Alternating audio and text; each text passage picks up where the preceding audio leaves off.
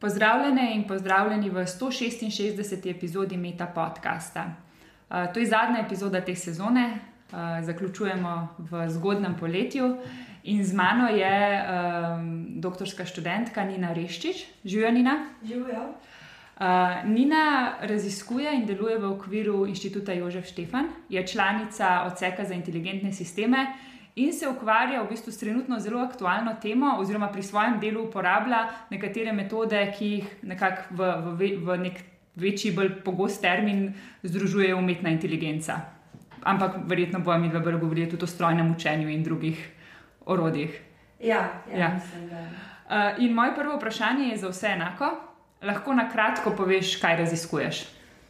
Se bom potrudila. Um, zdaj, v, že omenila si že uh, strojno učenje. Uh, pri strojnem učenju se zelo velikokrat ukvarjamo tudi z vprašanjem tega uh, izbire spremenljivk, to se pravi feature selection. Velikokrat se govori tudi o razvrščanju teh spremenljivk po pomembnosti, um, feature importance. Um, in jaz se v tem svojem raziskovalnem delu v bistvu ukvarjam, kako to uporabljati v vprašalnikih. Zdaj, ideja vsega tega dela je um, kako s čim manj.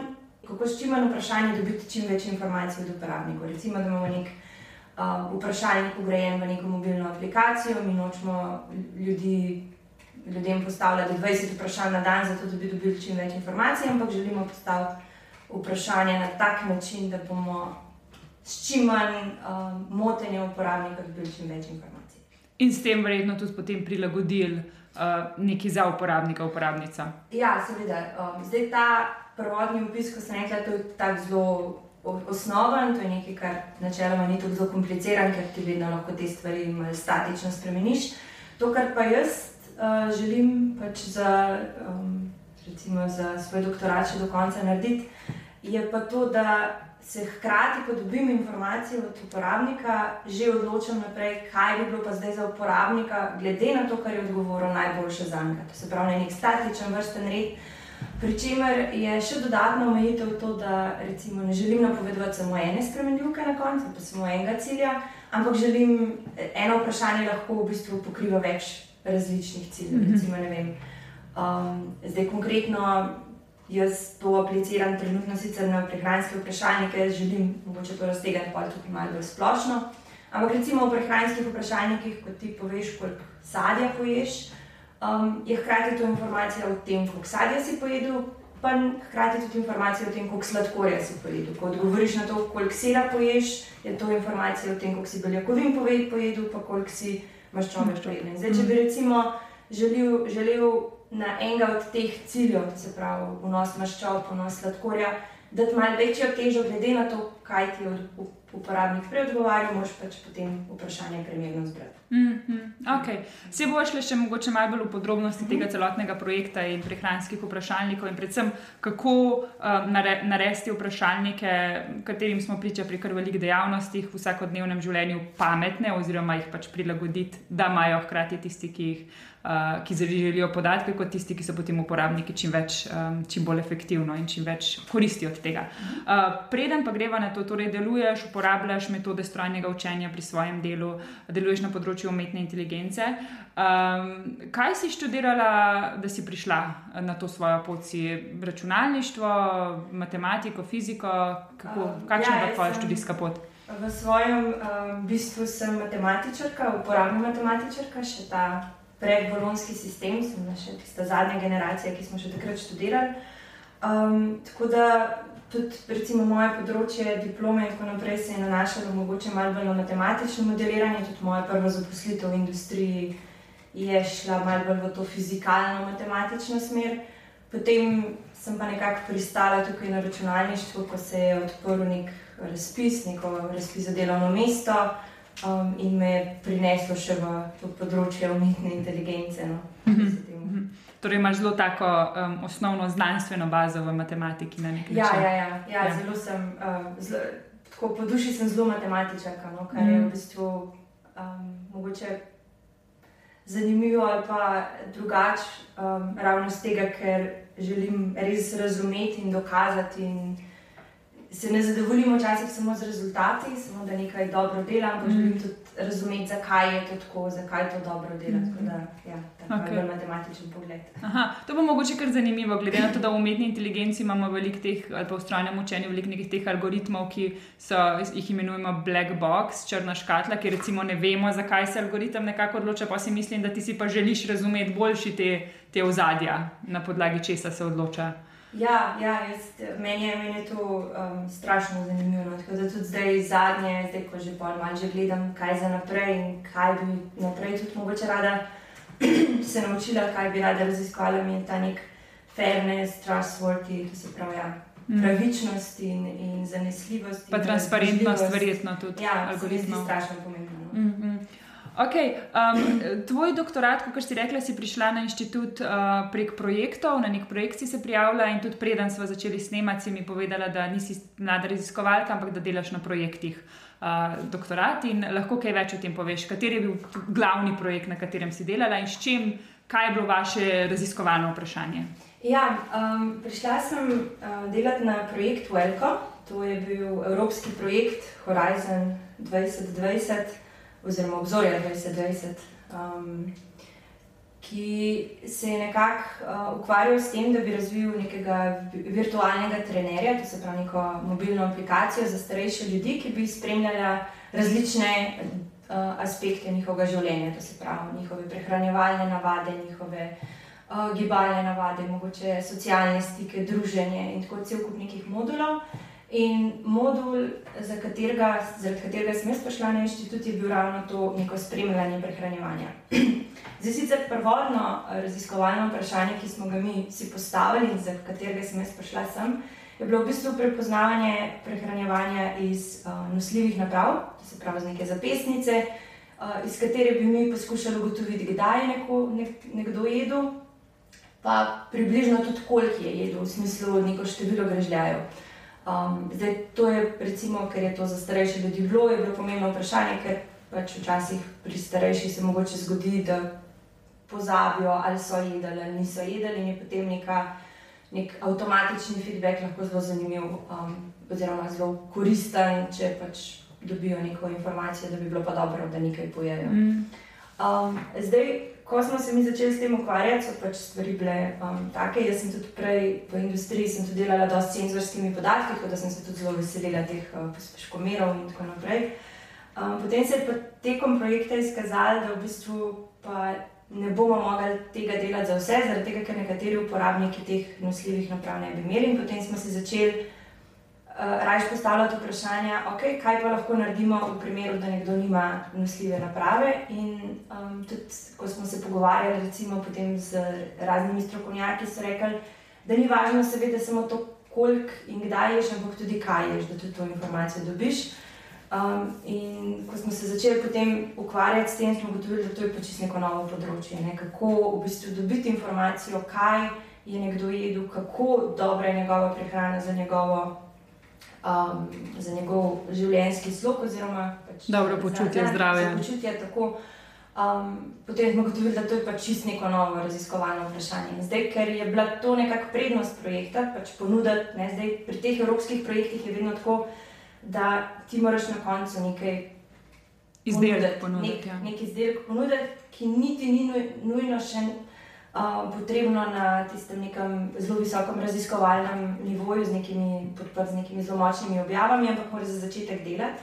Tako da smo takrat Kar nek proti, prototip, tako nekako. ki bi ga lahko na malce večjem številu ljudi testiral. Potem. Tako, in ti v, v bistvu imaš včasih vso energijo usmerjeno samo v to, da dobiš ti neko aplikacijo, mm. ki dela. In zato smo pol, sem se jaz nekako odločila, da tudi nekako svoje raziskovanje prenesem na to področje, ker je bilo to kar zelo um, zahtevno, časovno zahtevna operacija. Ja, si predstavljam. Um, sploh zaradi tega, ker pač jaz tudi nimam neke ozadje v, v, v, v prehrani, niti se ne spoznam na to, niti š, nimam o teh stvareh, kar pomeni, da je bilo treba najti neke načine, kako lahko jaz, kot matematik, računalničar, dobim neke informacije, da to dobro spremljamo. No? Mhm. Omenila si, da, da starejši niso želeli, nisem prav razumela, nositi teh ali nimajo sploh dostopa do, bi, bi bilo potrebno posebne zapestnice, ki bi si jih mogli privoščiti in vse to, Ja, kje se je tukaj zataknilo. Bolj je, v resnici je včasih malo bolj problem tudi pri tem, katere, ker zdaj določene te zapisnice, ki se dobijo v prosti prodaji, to se pravi te komercialne stvari, zelo velikrat ne, ne vračajo surovih senzorskih mm -hmm. podatkov, ampak vračajo samo neke informacije o količini spanja, o gibanju. Mi smo pa potrebovali prav surove senzorske podatke in zapisnice, ki so to nudile. Niso nudile nekaterih drugih funkcionalnosti, ki so jih pa potrebovali drugi partnerji v projektu, mm. kar pomeni, da smo v bistvu nekako razdelili uporabnike na dve skupini, na te, ki so imeli senzorske zapisnice, ki pač so to vračale, in na skupino ljudi, ki so imeli pač nek, neke bolj komercialne naprave. Mm. Ampak nekako ideja je pa bila, da mora ta modul za spremljanje prihranjevanja, pa kljub vsemu, dati nekaj informacij vsem uporabnikom, mm. ker pač je mm. bila to mm. zahteva evropskega projekta. Mm. Ampak vsekakor se strinjam, da je v bistvu bolj kot to, kdaj in koliko jemo uh, je boljše vedeti, kaj dejansko jemo. Um, in do tega želite, oziroma skušaš priti s temi vprašalniki. Lahko kaj več poveš o teh prehranskih vprašalnikih in kakšno je, najprej kaj več o prehranskih vprašalnikih. Ja, zdaj, jaz v samih prehranskih vprašalnikih niti ne bi upala kaj zelo govoriti, ker pač to nekako ni moje področje. Tudi, uh, ko smo delali konkretno vprašanje, ko smo razvijali, smo upletali v, um, ta proces nutricionistko, ki je zaposlena na inštitutu, ki nam je pomagala najti primeren vprašalnik, ki je nekako pokril, ki je poskrbela za razne tiste količine, kako se te stvari, da so se prenesle, da se je prenesel tudi um, vprašalnik na. Seveda, ti vprašalniki so zelo, pardon, zelo specifični, ker um, so navadno validirani na neki populaciji, v neki državi in tako naprej, in je bilo treba zadeve nekako prilagoditi na države, v katerih smo bili. Um, tako da, ja, glede vprašalnikov in glede te tematike, jaz sama kot pravim, niti si ne upam nekaj zelo povedati. Um, Ampak v splošnem pa sprašujejo to, kar smo že prej povedali. Torej, ja. Kaj zaužijete, koliko, kakšna količina je tega, in potem se ti podatki povežejo s tem, kot recimo ima neko poprečna banana, ne vem, sladkorja, vse ja, druge nutriente ohranili. Ja, ko odgovarjaš na ta vprašanja, dobiš nekaj te informacije, tudi mm. o tem, ja, kako. Ja. Um, vnaprej nastavljene, in zdaj tukaj pride pa potem zraven strojno učenje. Ja, točno pač, to me sedaj zanima. Ja, ja. Ki pa pač lahko preskoči to, da ti odgovoriš na vseh 30 vprašanj. Um, ampak, odgovoriš mogoče samo na tri ali pa štiri, pa že lahko z metodami strojnega učenja nekako napoveš, kaj bi se lahko zgodilo, glede na podobnosti informacij, ki si jih imel prej. In tako naprej. Ja. Okay, zdaj smo, po moje žene, uh, med pet do desetkrat omenili strojno učenje. Kaj je strojno učenje? okay. um, strojno učenje so v bistvu neki algoritmi, ki mi predstavljamo um, eno bazo podatkov. Um, zdaj, če poskušam to zelo tako razložiti, kot včasih razložimo, v, ko pridejo k nam na šole in tako naprej, se pa mogoče čisto na ta. Um, v tej bazi podatkov imamo mi cel kup nekih instanc, nekih vrstic z raznimi podatki in na koncu imamo neko vrednost, ki jo želimo napovedati. In mi tem algoritmom strojnega učenja, teh metod je kar nekaj, uh, pokažemo recimo neko, mi rečemo temu, um, trening množico, um, algoritmi to pogledajo, um, poskušajo najti povezave med um, temi vhodnimi spremenljivkami in tem, kar bojo napovedovali, in potem um, se naučijo iz teh podatkov to, da ko jim pokažemo neke nove podatke, ki po možnosti nimajo tiste zadnje, spremen, tiste zadnje vrednosti, ki jo želimo napovedati, potem na podlagi tistih podatkov, ki si jih že videli, na novih, nevidenih podatkih, napovejo končni izid. Mm -hmm. In tukaj je tudi ključno, da te podatki, ki so uporabljeni za trening, sklepam, vključujejo že čim bolj raznolike ljudi med sabo, čim bolj odgovore raznolikih ljudi. No? Um, ja, zdaj, kakšne podatke dobiš noter, um, to je v bistvu največji problem in največja, recimo, ta um, bolest vseh, ki se ukvarjamo s tem strojnim učenjem. Ker če imaš slabe podatke, bojo tvoje napovedi slabe. Bojo slabe. Ja že samo pridobivanje podatkov, že samo čiščenje podatkov, ja, mora biti zelo, zelo, zelo um, dobro izvedeno, zato da lahko potem rečeš, da tvoji modeli nekaj delajo na teh podatkih, na kateri, s katerimi mm. delajo. No. In koliko, recimo, koliko rešenih vprašalnikov pa ste recimo potrebovali za, za, za, za to v tej vaši raziskavi? Zdaj, um, za, za trening, zdaj govorim. Ja, jaz sem. Um, v bistvu smo združili nekako um, razne, razne vprašalnike, razne data sete iz različnih vprašalnikov, ki so imeli podobna vprašanja, jih nekako prenesli, transformirali. Tako da vsega skupaj je bilo na koncu okrog 1500 teh vnosov. Tako da je že nek vzorec pri recimo nekih dost majhnem naboru teh spremenljivk, 30 mm. vprašanj, kar je recimo temu kar tako lepo razmerje med med uh, številom instanc in med um, številom spremenljiv, ki jih opazuješ. In če prav razumem, to potem na nek tak način deluje, recimo ta vaš končni produkt. Da, uh, ko se postavi eno vprašanje, glede na odgovor tega vprašanja, se potem vprašalnik naslednjo ne bo pač sledilo vsem 30 vprašanjem, ampak se na podlagi odgovora uporabnika odloči, katero bo naslednjo vprašanje sledilo, glede na to, da, bo več, da boste vi pridobili s tem čim več informacij. Ja. Tako, tako je. Zdaj, se, zdaj sicer ta projekt že zaključil, tako da ta aplikacija, ki je bila tam noter, še ni bila tako zelo pametna. Tam noter so bili neki statični vrstni redi, glede na to, katere cilje si imel izbrane. Zdaj, te zadnje metode, s katerimi se pa ukvarjam, pa delajo točno to. Uh -huh, uh -huh. Okay, poleg tega, pa si mi tudi po, poleg teh vprašalnikov, in to je bil nek, na nek način, razumem, tvoj glavni del doktorata, uh mhm. -huh. pa si sodelovala tudi pri drugih projektih, od projekta za COVID v času COVID-a, do omenila si, da tudi uh, sodeluješ z profesionalnimi športniki, športnicami za razvoj nekih uh, pridobivanja podatkovih senzorjev različnih in tudi prehrane, in potem pač neko usmerjanje za vse to je verjetno uporabna stro, uporabno strojno učenje in umetna inteligenca. Ja, seveda, za vse. Povsod, kjer so podatki, povsod se da strojno učenje nekako uporabljati. Zdaj, na kakšen način je seveda zelo odvisno spet od, od podatkov. Um, bi pa tukaj podarila, no, da um, v vseh teh primerih se mi zdi izredno pomembno, da, um, da je zraven upleten tudi nekdo iz področja. Ne. Zdaj, um, dobro, COVID, takrat smo nekako se mi zdi, se vsi takrat ki smo malo v tem svetu, smo se takrat vsi kar vrgli v to, ker se nam je zdelo, da moramo tudi mi nekako mhm. pomagati, nekaj narediti, nekaj svojega znanja, da zraven, zato, da bi lahko pomagali. Um, malo prej rešiti situacijo, če bi se dal. Um, kar se tiče teh uh, športnikov in te, um, teh prehranskih um, vprašanj, pa pravzaprav sodelujem z, z raziskovalko, ki je dela doktorat na biotehnički fakulteti in njena tema doktorata je ravno to zaznavanje nekih um, energijske podhranjenosti pri profesionalnih športnikih, ki potem lahko privede do nekih resnejših težav. In ja, tam so pa spet zelo, zelo, zelo uporabni razni te metode strojnega učenja. Mogoče um, tam jaz bi rekla, da ni vedno samo to, kaj hočeš napovedati, ampak recimo se da potem te metode strojnega učenja uporabljati tudi zato, da izluščaš, kje spremenljivke so pomembne. Mm. Torej, um, in tukaj bi rekla, da je pa blazno pomembno, da, da je neka ta multidisciplinarno sodelovanje. Zaradi tega, ker včasih imamo računalničari oziroma mi podatkovni znanstveniki. Um, malo to napako, da pogledamo podatke, kjer so stvari noter in se nam zdi, da kar razumemo, zaradi tega, ker naši modeli nekaj dobro mhm. napovedujejo. Um, in se mi zdi, da je zelo pomembno, no, da pride kljub vsemu še nek um, strokovnjak iz prav tega področja.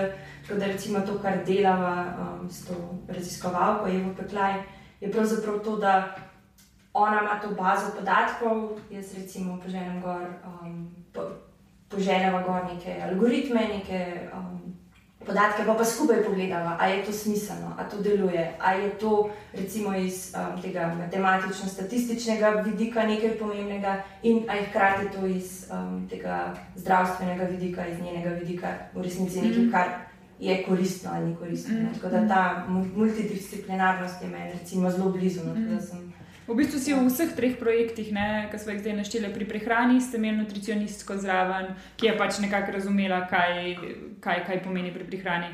Pri COVID-u ste tudi sodelovali v široki skupini. Če se prav, prav spomnim, je vaš projekt bil določen, kateri od teh ukrepov so na nek način najbolj uspešni um, pri zaustavljanju širjenja virusa. Ja, tako je. In tam je bilo treba spet dobiti nekoga, ki, ki recimo.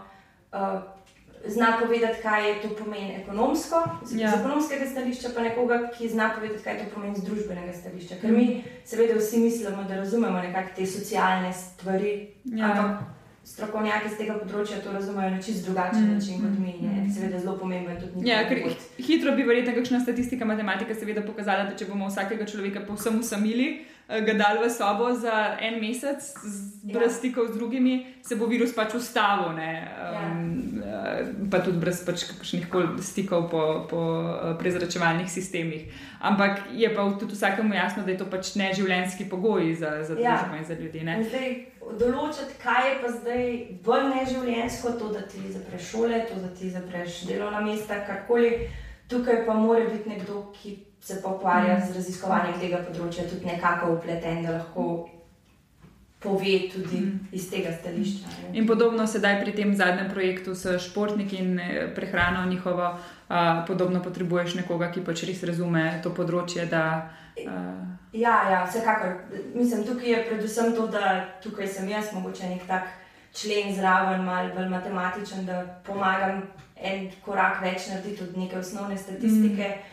Uh, ampak ja, vsekakor je. Odli je. Meni se zdi to odlično za združevanje in za to interdisciplinarnost, ker se mi zdi, da veliko krat, recimo, zdaj je res umetna inteligenca, um, se pogosto pojavlja v medijih na nek način. Imam občutek, da celo mogoče rabimo malo več tega, da bi nekdo povedal sploh nek smisel vsega, kaj se nam dogaja trenutno z vsemi temi okay, jezikovnimi modeli, ki so vseeno malo drugačna stvar kot pri tebi, čeprav gre v osnovi za isto stvar. Torej, model napoveduje, katera beseda ali katera črka je najbolj verjetna sledi prejšnji črki besedi, delim besede in potem pač nam piše odgovore oziroma popravlja besedila in ja. podobno. Ja, ja seveda, pač pri teh velikih zadevah je v zadnjem tudi neskončne količine podatkov in tako naprej. Ampak zdaj zelo, zelo, zelo površinsko rečeno, da me ne bi mogoče kdo, ki bo poslušal to z tega področja, potem zaušel, ampak zelo površinsko rečeno, ja, v osnovi je pač to. Nekaj ideja, kako boš napovedal nekaj, kar se bo zgodilo. Ja. Ampak ja, to, to, da, to, da se stvari povezujejo, no, ker um, to se mi zdi meni mogoče ena stvar, ki jo bomo morali naprej delati. Sploh mi, ki smo recimo z tega področja, ki zdaj tekmujemo s temi velikimi, če je GPT in tako naprej, bomo morali najti nek svoj način, kako pa sodelovati mogoče na drugačnih. Mm -hmm. Ampak predvsem tudi ta na nek način, kako ključna je interdisciplinarnost. Je tudi pri jezikovnih modelih, nekateri podatki se uporabljajo, kaj, v bistvu, kaj so njihovi odgovori in podobno. Uh, vseeno rabaš nekoga, ki je mogoče iz družboslovja, humanistike, ki boljši razume družbo, tudi za etiko na nek način in vse to, kar se dogaja v teh modelih, ne, je ključno. Ne? In mi je, mi je všeč, da pač um, tudi pri drugih projektih, s katerimi si se ti ukvarjala, da je bilo vedno neko to združevanje. Uh, poleg znanosti, matematike, um, modelov strojnega učenja, pa si tudi glasbenica in poučuješ. Um, ja. Ja. Kako združuješ te dva svetova? Pri tebi je polno povezav, povsod. Ja, um, um, ja, jaz sem nekako že od uh, srednje šole naprej tako malo razdeljena med te dva svetova, to so prav neko znanost, uh, matematiko in glasbo, sem delala na dve srednji šoli, potem dva faksa, usporedno.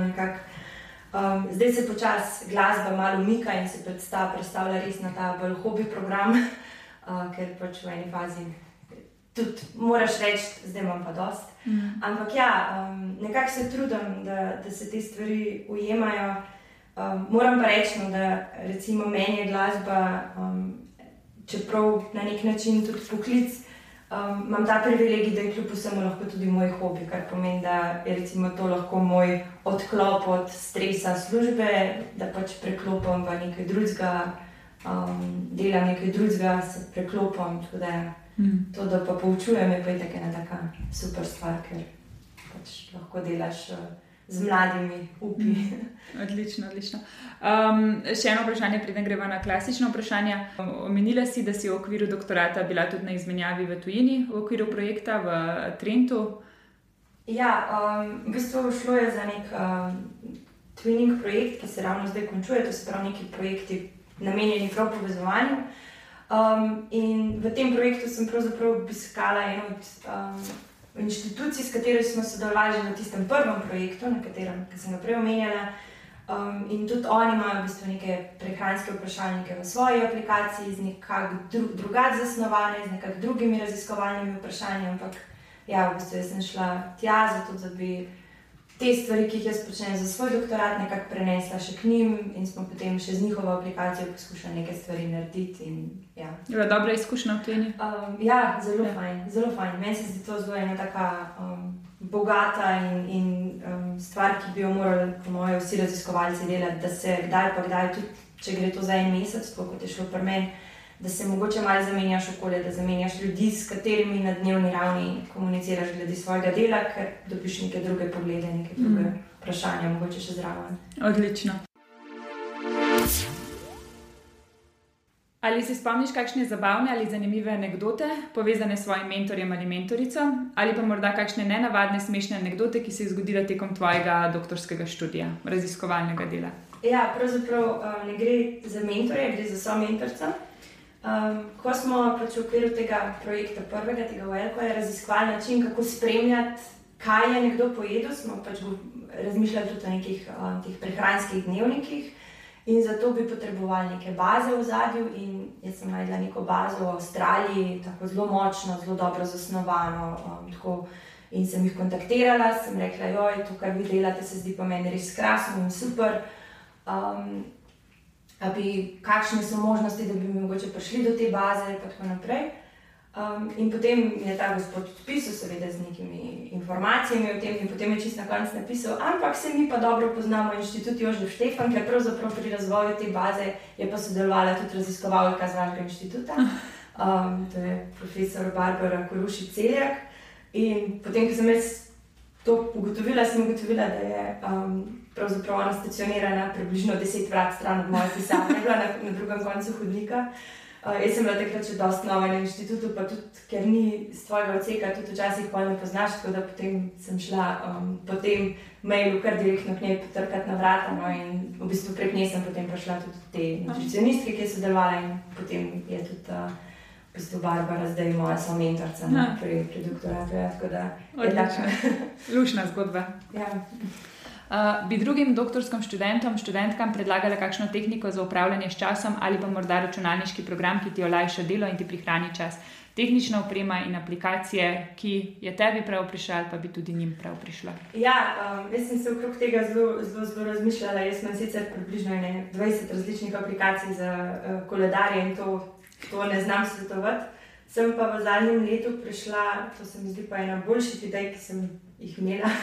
Uh, na to, da, um, da sem v bistvu si priskrbela tablico in imam zdaj članke na tablici. Zaradi tega, ker ko ve, ko, ko raziskuješ, ko si doktorski študent, prebereš na stotine člankov in zdaj recimo jaz, pa mislim, da nisem edina, sem ena izmed tistih, ko iz računalniškega monitorja zelo težko berem članke in si jih moram potem sprintati, da jih imam pred sabo. Imam zdaj v bistvu tukaj en predalnik, ki je visok 50 cm in je poln teh člankov, ki sem jih prebrala enkrat in potem nikoli več.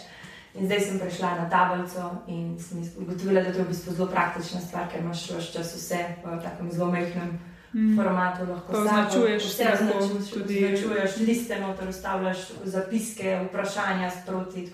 Mm. A priporočaš kakšno aplikacijo za branje člankov? Jo, jaz mislim, da imam na svoji tablici neko gutrico, ampak mislim, da kjer koli tako. Vsi so različni. Mm. V neko urejanje je. Katera stvar ti je tekom doktorata prinesla največ veselja ali izpolnitve, kaj je bil nek highlight doktorskega študija? Um, jaz mislim, da pravzaprav zdaj sam doktorski študij jaz jemljem kot celotno delo tukaj, no? ne samo to delo na doktoratu. Um, bi rekla, da največji ta del mi je ravno ta sodelovanje. No? Zaradi tega, ker ravno s temi nekimi interdisciplinarnimi, to zadnje, to, ko, to um, Evo, ko sem že prej omenjala se mi zdi um, recimo ena stvar, v kateri vidiš potem možnost tudi za naprej. Zaradi tega, ker doktorat je seveda ena tako zelo velika prelomnica, ampak če želiš ostati v tem raziskovalnem svetu, moraš razmišljati tudi o tem, kaj boš naprej raziskoval, kje imaš naprej raziskovalno vprašanje, s kom si želiš sodelovati in tako naprej. Mm. Da, recimo meni je to en tak. Povezovanje. Ja, ta highlight. Mm kako najdete ljudi, s katerimi lahko delaš, skupaj najdeš vprašanje, kako ti v bistvu svoje znanje lahko ponudiš nekomu, ki ima mogoče. Um, Pa, to se bo mogoče tako malo slišalo, ampak neko tako bolj zanimivo raziskovalno vprašanje. Ti imaš pa mogoče tehnike, kako mm. to, razis, to vprašanje rešiti. In meni se zdi to recimo neka mm. taka zelo, zelo, zelo uh, Ja, ja. pozitivna stvar. No. Mm, mm. Um, kakšen je tvoj način za spopadanje s stresom in morebitno negotovostjo, ki, do katere pride med doktoratom? Uh, jok in panični napad, ne hecam se. Uh, mislim, tudi to pride, kdaj seveda pride v tem stresu in tako naprej. Ampak jaz moram reči, da um, meni je najbolj pomagalo to, da imam okrog sebe nekaj ljudi tukaj na odseku, um, ki so v približno enaki situaciji. Um, in bi rekla, da to je tako zelo, zelo, zelo dragocena stvar, ker vidiš, da nisi sam. No? Ker se mi zdi, da se zelo veliko doktorskih študentov, vsaj kot sem se jaz pogovarjala, vsaj enkrat se znajdeš v neki taki čiščrni luknji in misliš, da ne boš nikoli prišel iz tega. In če veš, da so tudi drugi v tem, potem ve, mogoče ugotoviš, da nisi problem ti, ampak da je pač to nek normalen proces znotraj tega. In če veš, da imaš druge ljudi okrog sebe, lahko lažje prideš. No? Tako da Mm. meni je to, da imam uh, neko oporo v svojih kolegih, uh, res ena tako zelo pozitivna stvar. To je že kar neki sogovork in sogovorcev na Meta podcastu. Meni je to samoto doktorat in potem kako pomembno je, da imaš um, neko podporno skupnost Ja. okoli sebe. Mm. Uh, če bi lahko bodoči doktorantki, doktorantu da, dala en na svet, ki si želiš, da bi ga prejela sama, kakšen bi bil?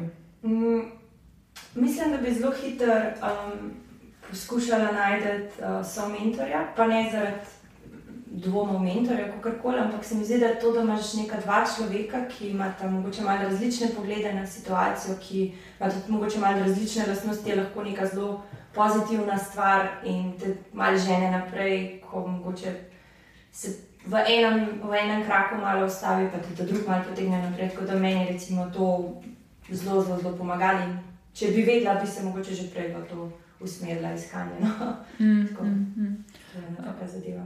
Odlično, hvala, Nina. Ja, hvala tebi za vabilo.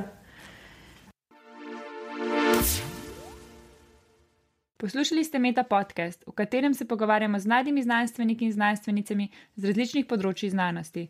Podcast domuje na spletišču metinalista.si, kjer najdete tudi druge zanimive znanstvene vsebine. Naše delo lahko podprete z donacijo Metini listi, pohvale, pripombe in predloge lahko posredujete po e-mailu znanost.afna.metinalista.si. Dobrodošli so tudi komentarji na Facebook profilu Metina Liste in na Twitterju Afna Metina Lista, kjer uporabite hashtag MetaPodcast. Se slišimo čez 14 dni.